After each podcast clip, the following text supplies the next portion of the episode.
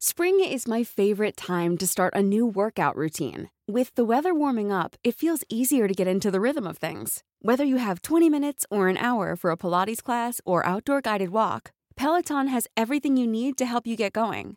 Get a head start on summer with Peloton at onepeloton.com. Hey, I'm Ryan Reynolds. Recently, I asked Mint Mobile's legal team if big wireless companies are allowed to raise prices due to inflation. They said yes. And then when I asked if raising prices technically violates those onerous two year contracts, they said, What the f are you talking about, you insane Hollywood ass?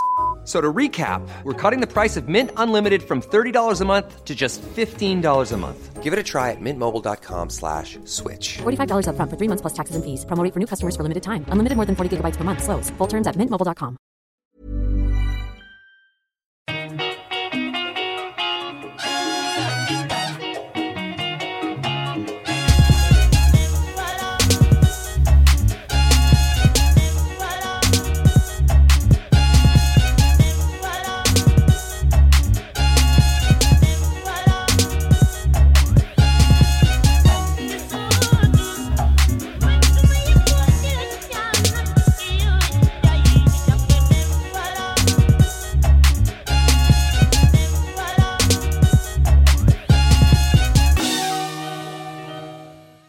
Du lyssnar på Svart historia med mig, Amat Levin.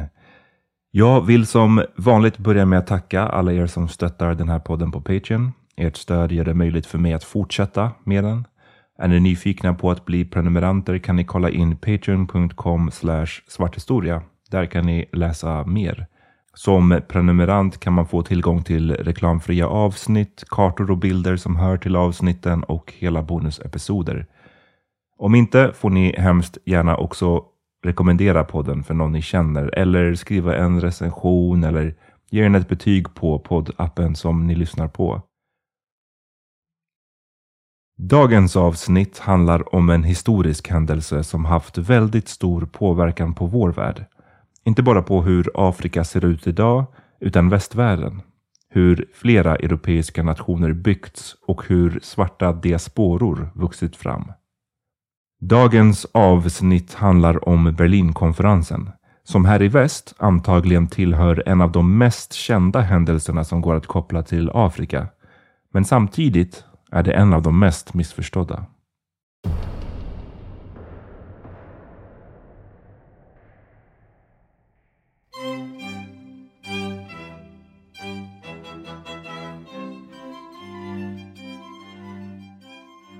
Det är en snöig lördag den 15 november 1884 när diplomater och representanter från 14 makter samlas i Berlin.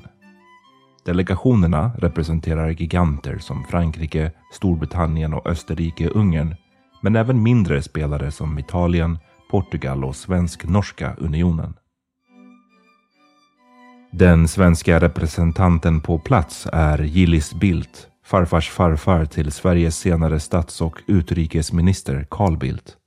Dessutom närvarar två icke-europeiska nationer, Osmanska riket och USA. En efter en anländer representanterna i vagnar utanför en flådig boning i gult tegel vid Wilhelmstrasse i centrala Berlin. Den tillhör Otto von Bismarck, Tysklands så kallade järnkansler och det är han som är värden. Innanför porten kliver deltagarna upp för en trappa och går in i en stor vit sal med marmorpelare, röda gardiner och en tung kristallkrona i taket. Utanför fönstret syns den fina trädgården. Sen sätter de sig till rätta runt ett bord format som en hästsko. På ena väggen hänger en gigantisk karta över Afrika. Nu ska kontinentens öde avgöras. Klockan har precis slagit två när Otto von Bismarck, iklädd en röd hovdräkt, ställer sig upp och förklarar mötet öppnat. På franska klargör han syftet med konferensen. Att främja den så kallade civiliseringen av Afrika genom att öppna upp kontinenten för handel. Men besluten som togs under mötet skulle handla om så mycket mer än bara det. Och på flera sätt känns konsekvenserna av besluten av än idag. Vad som döljer sig i Afrika söder om Sahara har fascinerat utomstående ända sedan antiken. 500 år före Kristus gav Hanno sjöfararen från Kartago sig ner för Afrikas västra kust och kan ha nått så långt som Senegal eller till och med Kamerun. Och på 60-talet efter Kristus skickade den romerska kejsaren Nero en expedition genom riket Kush i dagens Sudan för att försöka hitta Nilens källa. På 1400-talet var det portugiserna som gick i bräschen med att utforska och kartlägga Afrikas kuster och fick med tiden sällskap av andra europeiska länder. Men under de drygt 400 åren av transatlantiskt slaveri som följde höll sig européerna vid sina små baser längs kusterna. De enda undantagen var i Nordafrika, där man sedan länge stundtals haft en närvaro, och Afrikas södra tipp, där europeiska kolonier vuxit fram ända sedan 1600-talet. Skälen till att européerna höll sig vid kusterna var många. I Afrikas interiör fanns flera mäktiga riken redo att göra motstånd mot varje försök till regelrätt invasion. Ännu viktigare, många afrikanska regioner är notoriskt svårgenomträngliga. Vi pratar täta djungler, mörka träskmarker, skoningslösa öknar, formidabla bergskedjor, vilda floder. På flera håll är djuren dessutom ett ytterligare hot. Lejon, krokodiler, flodhästar, giftormar och värst av allt myggor bärandes livsfarliga sjukdomar som malaria och gula febern. De som var dumdristiga nog att trotsa faran dog plågsamt. Den brittiske sjökaptenen James Hingston Tucky gav sig exempelvis ut för att utforska Kongofloden sommaren 1816. Han och hans expedition nådde hamnstaden Boma, ungefär tio mil från flodmynningen. Men därefter smalnar floden av rejält och när de nådde Yellela Falls, en serie forsar och vattenfall, tvingades de inse att floden inte längre gick att segla. Istället fortsatte de till fots, men insjuknade snabbt en efter en och dog av utmattning och gula febern. Vissa områden tog så många liv och satte sån skräck i européerna att de kom att kallas den vita mannens grav. Men från mitten av 1800-talet och framåt skedde förändringar som gjorde en europeisk utforskning av Afrikas interiör möjlig. Vi pratade om det i förra huvudavsnittet, så vill ni höra mer om det på detaljnivå rekommenderar jag att ni lyssnar på det. Men som en påminnelse kan jag repetera att det som gjorde det möjligt var en kombination av teknologiska och medicinska framsteg. Främst ångbåtar, moderna vapen och nya kunskaper om hur man motverkar tropiska sjukdomar. I förra huvudavsnittet pratade vi även om hur minskningen och senare upphörandet av den transatlantiska människohandeln gled över i en europeisk vilja att syssla med så kallad legitim handel. Man ville nu åt afrikanska råvaror istället för förslavade. Och strävan efter att koppla ett starkare grepp om handeln fick europeiska nationer att vilja ta politisk och militär kontroll över allt större områden i Afrika. Även under 1800-talets andra hälft tvekade dock flera europeiska nationer på om man verkligen hade orken, pengarna, arbetskraften och soldaterna som krävdes för att ta över. Men samtidigt fanns rädslan att bli utan. Rädslan för att några av rivalerna på hemmaplan istället skulle berika sig på det som potentiellt låg gömt i Afrikas okända inre. Drömmar om guldfält och diamantgruvor drev de europeiska staterna framåt. Drömmar om att hitta allehanda byggstenar som skulle stärka de europeiska nationerna ytterligare, göra dem osårbara. För de europeiska nationerna blev det allt mer lockande, allt mer nödvändigt att skära sig en bit av Afrika. I början på 1880-talet var den så kallade kapplöpningen om Afrika därför i full sving.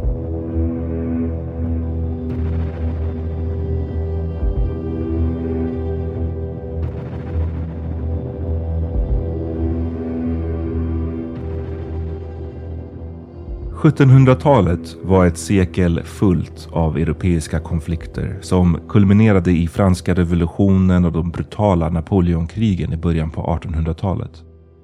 Efteråt fanns en europeisk vilja att fastslå landgränser och skapa någon form av europeisk maktbalans.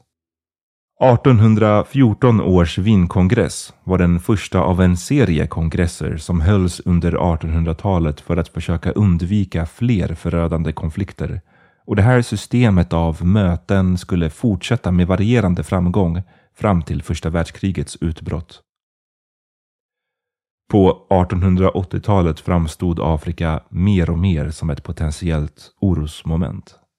Som vi redan konstaterat hade flera europeiska makter börjat tävla om kontinenten och paxade olika områden genom att utlysa diverse protektorat och vad vi idag skulle kalla för intressesfärer.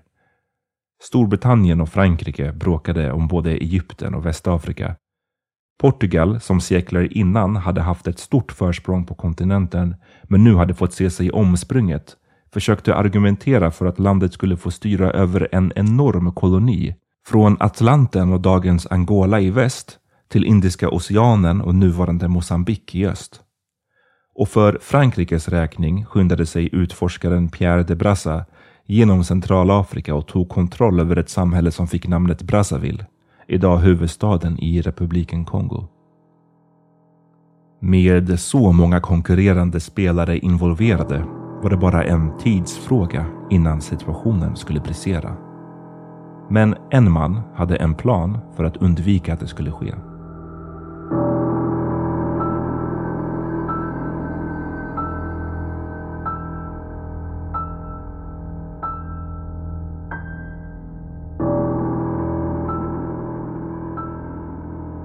Det som idag är Tyskland enades 1871 och blev ett kejsardöme en ny maktfaktor mitt i Europa.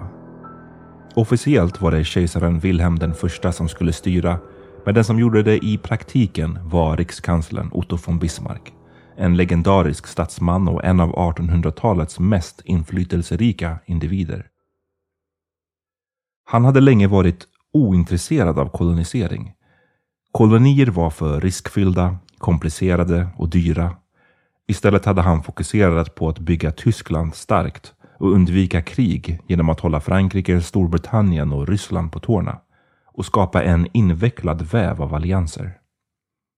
Men visst kunde de tyska industrierna ändå dra nytta av afrikanska råvaror. Och visst fanns det en poäng i att inte låta Tysklands europeiska rivaler få för stort inflytande i Afrika. 1884 hissade därför tyskarna sin flagga i det som idag är Togo, Kamerun och Namibia. Och senare det året bjöd Otto von Bismarck in till Berlinkonferensen där han hoppades hitta ett system för att undvika blodspillan mellan europeiska nationer. På köpet kunde han kanske även sätta stopp för sina rivalers, främst britternas, koloniala framfart. Berlinkonferensen har traditionellt rätt slarvigt framställts som stunden då Europa delade upp Afrika mellan sig. Ungefär som att Bismarck och de andra ledarna satt runt ett bord och drog linjer på kartan. Tyskland får det här, Frankrike får det där. Men det är en missvisande skildring. Istället handlade Berlinkonferensen om att göra upp reglerna för hur den fortsatta koloniseringen av Afrika skulle gå till.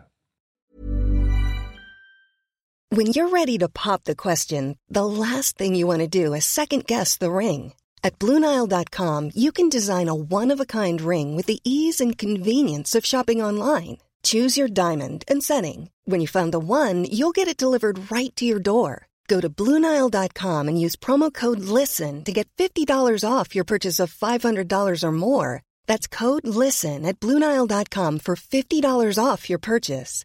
Bluenile.com code LISTEN. Hey, I'm Ryan Reynolds. Recently, I asked Mint Mobile's legal team if big wireless companies are allowed to raise prices due to inflation. They said yes. And then when I asked if raising prices technically violates those onerous two year contracts, they said, What the f are you talking about, you insane Hollywood ass? So to recap, we're cutting the price of Mint Unlimited from $30 a month to just $15 a month. Give it a try at mintmobile.com slash switch. $45 upfront for three months plus taxes and fees. Promo rate for new customers for limited time. Unlimited more than 40 gigabytes per month. Slows. Full terms at mintmobile.com.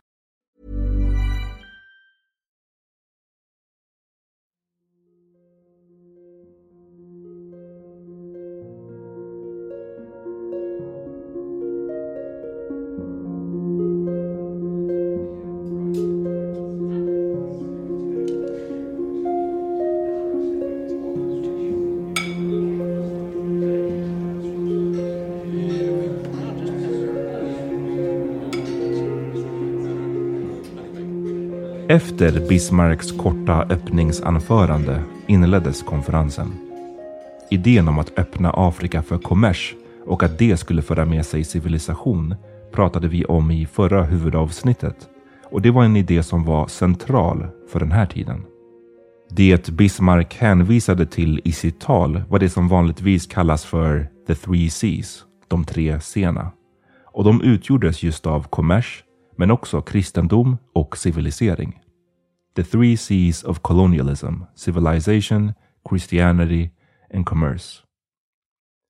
Under sitt anförande underströk Bismarck också att konferensen inte skulle handla om suveränitet. Som jag tidigare nämnde var syftet alltså inte främst att redan här på mötet rita nya landgränser. Den här punkten fick tyckare att fundera på vad poängen med konferensen egentligen var. Eller som en anställd vid det brittiska utrikesdepartementet kommenterade. Citat. Bismarcks tal är extremt vagt och gör det tveksamt om konferensen ska göra mer än att registrera några plattityder om handel och navigering. Slutcitat. Efter tre månaders förhandlingar avslutades konferensen den 26 februari 1885. Och nog hade det blivit mer än bara plattityder. Parterna kom bland annat överens om fri rörelse längs Niger och Kongofloderna. Länderna lovade också att meddela varandra om de gjorde anspråk på ett område. För att göra anspråk krävdes dessutom nu så kallad effektiv ockupation. En europeisk nation kunde inte längre bara utropa ett territorium som sitt, utan behövde visa upp signerade kontrakt med lokala ledare samt ha administrativ och polisiär närvaro. Länderna lovade även att bekämpa slavhandeln. Den transatlantiska slavhandeln hade som bekant redan upphört, men i öst och vissa delar av Centralafrika fortsatte mängder av afrikaner att kidnappas som del av slavhandeln i den muslimska världen. De förslavades i massor längs den östafrikanska swahilikusten, skickades norrut över Sahara eller skeppades österut över Röda havet och Indiska oceanen. Som ett led i den så kallade civiliseringsprocessen skulle nu Europa få slut på praktiken. I stunden ansågs konferensen vara en framgång. Men historiker har länge debatterat vilken inverkan på koloniseringen konferensen egentligen hade. Det finns exempelvis de som anser att kontrakten som upprättades hade begränsad påverkan på det som utspelade sig i praktiken. Eller som historikern Thomas Pakenham skriver i boken The Scramble for Africa, The White Man's Conquest of the Dark Continent from 1876 to 1912. Citat. Men vad hade egentligen uppnåtts? Det fanns 38 paragrafer i den allmänna lagen, alla lika ihåliga som pelarna i den stora salongen. Under de kommande åren skulle folk komma att tro att denna lag hade en avgörande effekt. Det var Berlin som utlöste kapplösningen. Det var Berlin som satte reglerna för spelet. Det var Berlin som skar upp Afrika. Så skulle myterna låta. Det var i själva verket tvärtom. Det var kapplöpningen som utlöste Berlin. Tävlingen att skära sig en bit av den afrikanska kakan hade börjat långt innan konferensens första dag. Slutcitat. Kritiker menar ungefär att de nya reglerna var på gränsen till verkningslösa. Exempelvis behövde europeiska nationer bara meddela varandra att de tagit ett område i besittning efter att de redan gjort det, inte före. Och reglerna om effektiv ockupation gällde bara nya besittningar, inte gamla. Dessutom gällde det bara för kustområden och de flesta av dem hade ju redan ockuperats. Å andra sidan finns de som vidhåller att besluten som togs på konferensen ändå var av stor betydelse. Eller som Matthew Craven, professor i internationell rätt, skriver i Between Law and History, The Berlin Conference of 1884 to 1885 and the Logic of Free Trade. Citat. Som det hade preciserats inledningsvis var det allmänna syftet med artiklarna 34 och 35 att avvärja möjligheten av öppen konflikt mellan koloniserande makter genom att kräva ömsesidig underrättelse om övertagande av ny besittning, artikel 34, och genom att insistera på att ockupationen skulle vara effektiv snarare än rent symbolisk, artikel 35. Även om dessa bestämmelser i sig inte utgjorde grunden för uppdelning antydde det använda språket, ockupation eller besittning att afrikanskt territorium hade en status som motsvarar terra nullius, alltså ingenmansland, och att europeisk suveränitet kan etableras efter behag över territorier som ännu inte är ockuperade. Slutcitat. Så även om Berlinkonferensen inte var startpunkten för uppdelningen av Afrika och inte heller var själva stunden då nya kolonier föddes hade den ändå stor påverkan på så sätt att den legitimerade den pågående och fortsatta koloniseringen av kontinenten. Även om idén om effektiv ockupation var tänkt att ogiltigförklara förlegade eller inaktiva anspråk på territorier fick den effekten att driva på europeisk intervention.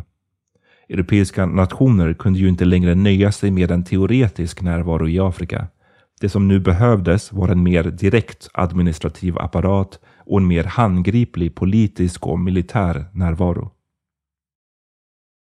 Genom att göra upp spelreglerna bekräftade konferensen Afrika som en legitim spelplan där västerländska makter gav sig själva tillåtelse att stycka upp kontinenten. Och genom en rad andra överenskommelser skulle precis det ske under de kommande decennierna. Värt att poängtera är också att inte ett enda afrikanskt land konsulterades under förhandlingarna i Berlin. Man visste naturligtvis att Afrika redan var bebott, att landgränser redan existerade. Men med det teknologiska och militära övertaget, vem skulle stoppa Europa från att ta över? Man var till råga på allt så pass övertygad om sin egen kulturella och humanitära överlägsenhet att man förutsatte att den egna närvaron skulle vara av godo. Vad som var bra för europeer var per automatik bra för afrikanerna, även om de var för korkade och outvecklade för att själva förstå det. Trots att de europeiska ledarna gärna satte strålkastarljuset på konferensens humanitära mål, att få stopp på slavhandeln och att föra kristendomen och så att säga civilisation till Afrika, var motiven ytterst politiska och ekonomiska. Och efter konferensen snabbades koloniseringsprocessen på. Fram till 1880-talet hade Europa bara gnagt på Afrikas hörn. Men under de kommande åren svaldes Afrika nästintill helt på kort tid av endast fem europeiska nationer. Storbritannien, Frankrike, Portugal, Tyskland och Italien. Ett sjätte land, Spanien, fick nöja sig med bara några överblivna rester.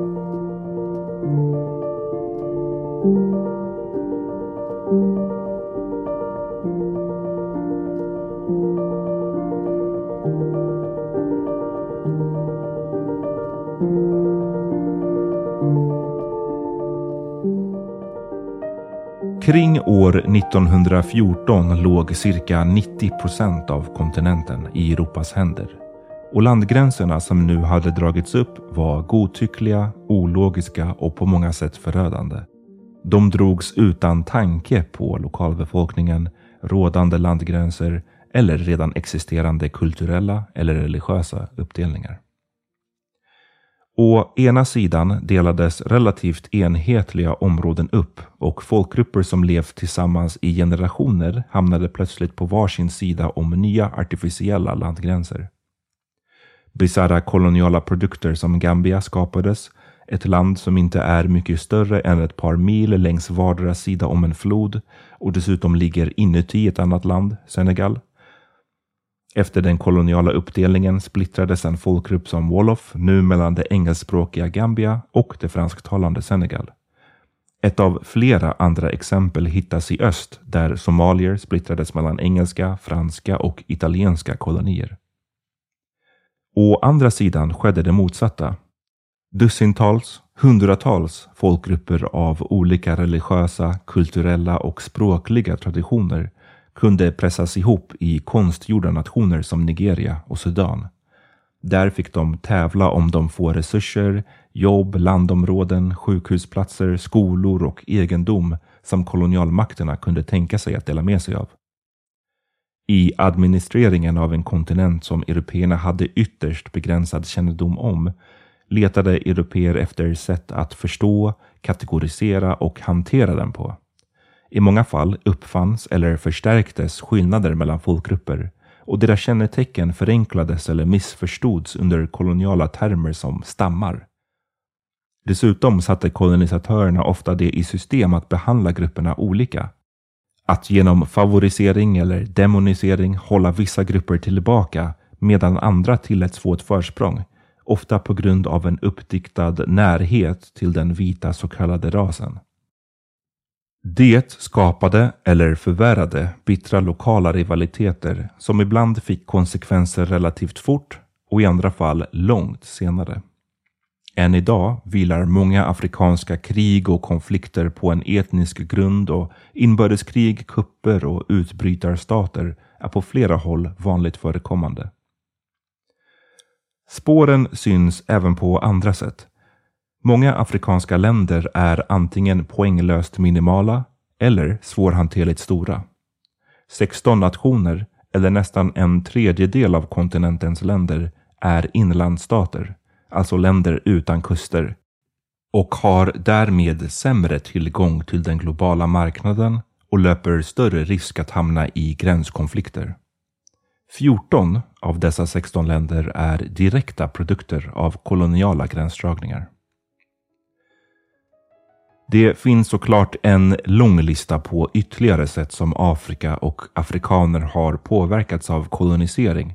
Men det kan vi återkomma till i framtiden när vi pratar mer om avkoloniseringen av kontinenten. Som jag ofta brukar upprepa kan man inte skylla alla dagens problem i Afrika på vad som har utspelat sig historiskt.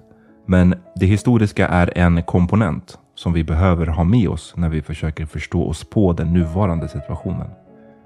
Att blunda för eller försöka ursäkta det som inträffade är att minimera eller bagatellisera historiens inverkan på vår nutid.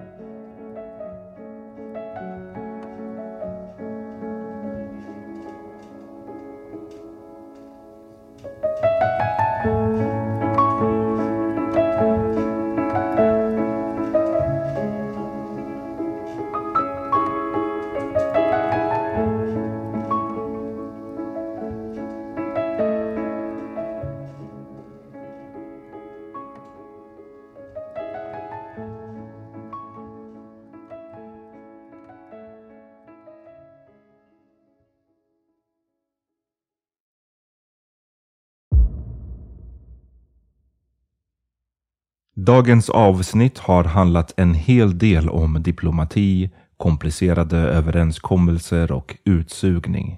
Men en av de viktigaste punkterna som diskuterades under mötena har vi inte berört än.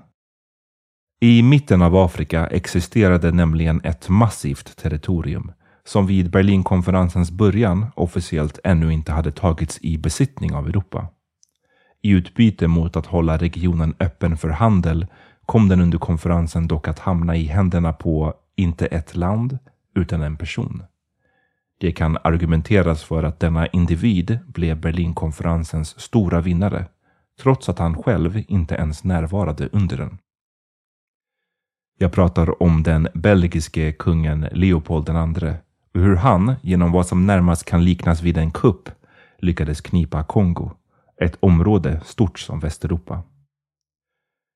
I nästa huvudavsnitt av Svart historia ska vi titta närmare på precis det här. Vi ska prata om hur hans löften om att utföra ett osjälviskt, ädelt och filantropiskt arbete utmynnade i ett sällsynt girigt styre. Så brutalt att det inte bara orsakade enormt lidande hos lokalbefolkningen utan skakade om västvärlden. Vi hörs då.